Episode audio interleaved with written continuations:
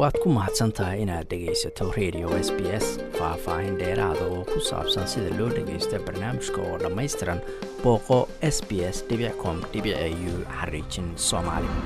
Iyada oo uu jiray khilaaf muddo soo jiitamayay iyo diidmo xoogan oo ku aadan in maamulka hirshabeelle uu ka howlgalo gobolka hiiraan gaar ahaan madaxweynaha maamulkaasi oo muddo laga hortaagnaa in uu booqdo magaalada beledweyne ee xarunta gobolkaasi.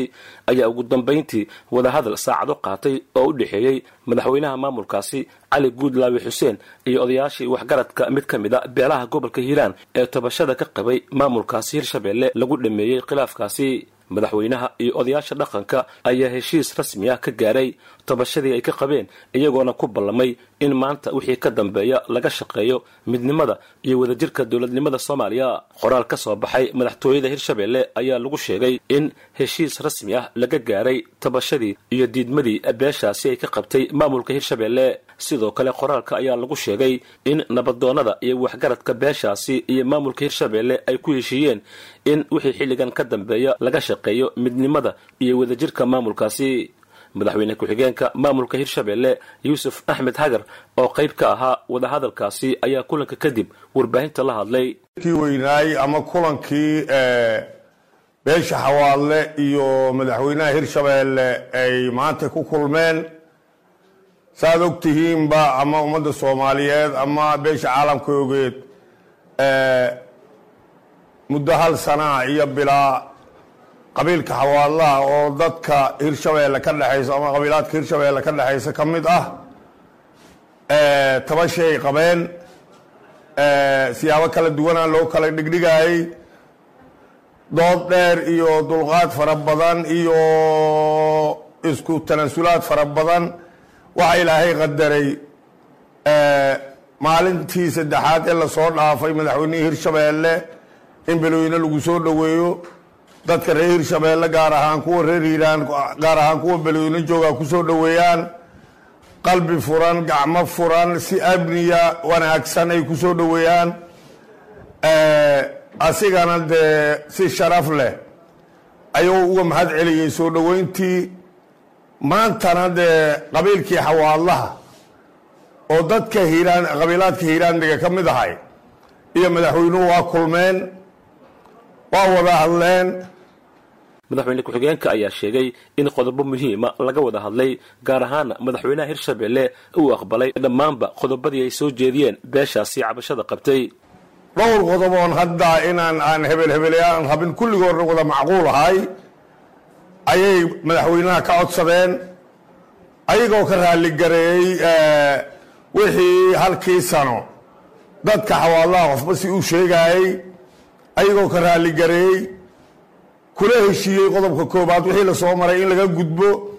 Haddana la wada shaqeeyo dowladnimada hirshabeelle oo ka dhexaysa hirshabeellena qof walba kaalinteeda ka buuxiso qabiil ahaan waxay u codsadeen wax kasta ay qabiil ahaan u codsadeen ay madaxweynaha hordhigeenna madaxweynaha khayr allaha siiye waa aqbalay waa ballanqaadiyey asigoo qodob kasta munaasabadiisa ku soo aadinaha iyo sida maaragtay oo ku sharci garooba.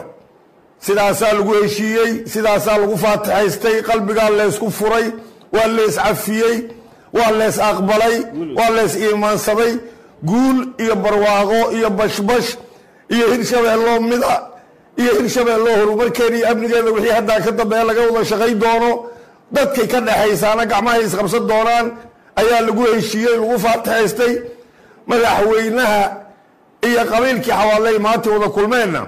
Wax kasta ay ka hadleen waa ka heshiiyeen ka badan muddo sanad iyo bar ayay ku qaadatay madaxweynaha maamulka hirshabeelle cali guudlaawi xuseen in uu tago magaalada beledweyne iyadoona tiro dhowr jeer oo isku dayey arrintaasi aanay u suurtagelin.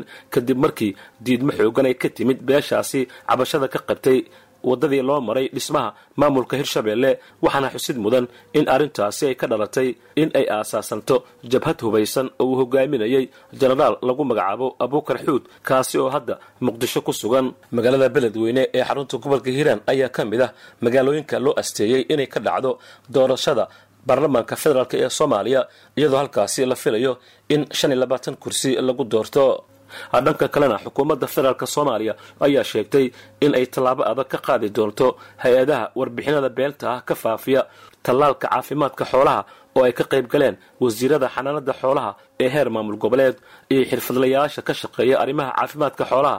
Wasiirka xanaanada xoolaha dhirta iyo daaqa xukuumadda soomaaliya maxamed aadan macalin ayaa sheegay in mashruucani oo laba weji ah wejigiisa koobaad ay ka faa'iidaysan doonaan in ka badan toban milyan. Xoolaha muhiimad gaara ayuu dalku u leeyahay guud ahaan gaar ahaanna wuxuu saameynayaa qof walba oo soomaaliyeed. Taasaa keentay marka muhiimad gaara inay iska saarno inteenaan iyo xirfadleyda ka shaqeeyaba xoolaha. Waxaa maanta ka faa'iidaysan doona daafurkan wejigiisa koowaad toban milyan wax ka badan.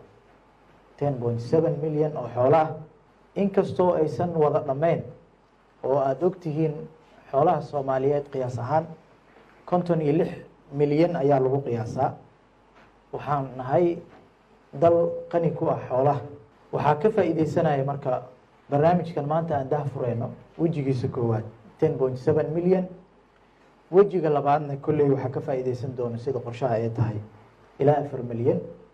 Sidii la rabay ma aha waa qiyaasayaa laakiin adduunka waxaa ka dhacay aafada oo coronavirus.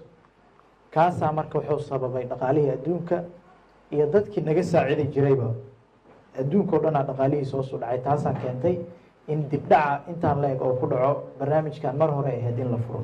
Wasiirka ayaa dhanka kale tilmaamay in sanadihii la soo dhaafay dib u dhac uu ku yimid suuqgeynta xoolaha dalka ka dhoofa isagoona hoosta ka xariiqay inay jiraan hay'ado dalka ka howlgala oo warbixino beena ka faafiya xoolaha soomaaliya oo ah isha ugu weyn ee dhaqaalaha dalka. Ayna la xisaabtami doonaan hay'adahaasi. Adduunku waa garan kartaan competitiona jiro waxaana laga faafinayaa cuduro oo ahayd aanan qabin xoolaheen waxaa laga laga faa'iideysanayaa tabarta iyo iyo dowlad burburkii ama qaran burburkii nagu dhacay. Waa ku mahadsan yihiin marka xirfadleydana arintaas aaday ugu baraarugsan yihiin. Waxaa jiro hay'ado ka shaqeeya xoolaha. Hay'adahaas waxay sameeyaan warbixin qaldanay ka bixiyaan dalka. Mar dhoweed lafteedu waa maqlayay in meelo aanan ka dilaacin cuduro ay faafinayeen ay dhahayeen cuduro noocaasa ka dilaacay markii ay ogaadeen in xoolaha soomaaliya la furi doono ama suuqii ugu weynaa ee xoolaha loo furi doono. Ayaa waxay bixiyeen warbixino aan sal yaraad lahayn oo aan heer gobol soo marin. Wasaaradda xanaanada xoolaha aysan warkahayn wasaaradda federaalka aysan warkahayn organizationskaas kolley waa iska waa iska arki doonaa. Ilaa iyo hadda waa ku daba jirnaa. Haddii aan ku helnane warbixintaas qaldan inay bixiyeen hay'ado dalka gudihiisa ka shaqeeyo kolley dowladdu dib u eegisay ku fiirin doontaa. Tillaabada markaas mudanna way ka qaadi doontaa. Waad ku mahadsantahay inaad dhegaysato raadiyaha s b s. Toos u dhegaysa barnaamijka habeenada arbacada iyo jimcada tobanka fiidnimo. Ama kaga soo cesho website-ka iyaga iyo s b s radio app booqo s b s com au xariijin soomaali